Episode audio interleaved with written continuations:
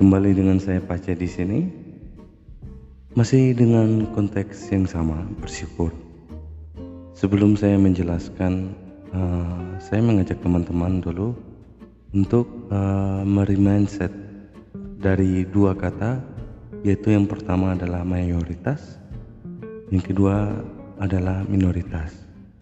langsung saja, mungkin sering kali kita merasakan uh, satu perbedaan antara mayoritas dan minoritas dan mungkin sering sekali untuk kita alami uh, menjadi kalangan minoritas di dalam segala aspek mungkin uh, mungkin organisasi mungkin uh, pertemanan atau mungkin dalam hal bidang politik dan sebagainya macam.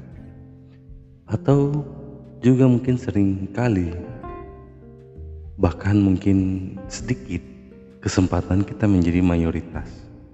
Oke teman-teman, yang saya mengajak di sini adalah bagaimana uh, kita satukan persepsi untuk merubah uh, arti kata dari mayoritas dan minoritas yang sebenarnya uh, sudah baku ya, tapi uh, dalam kehidupan penerapan sehari-hari yang di mana saya mau mengajak teman-teman uh, mayoritas itu adalah orang yang beruntung, tetapi Orang yang minoritas adalah orang yang bersyukur dalam segala hal. Mungkin sangat-sangat-sangat simple,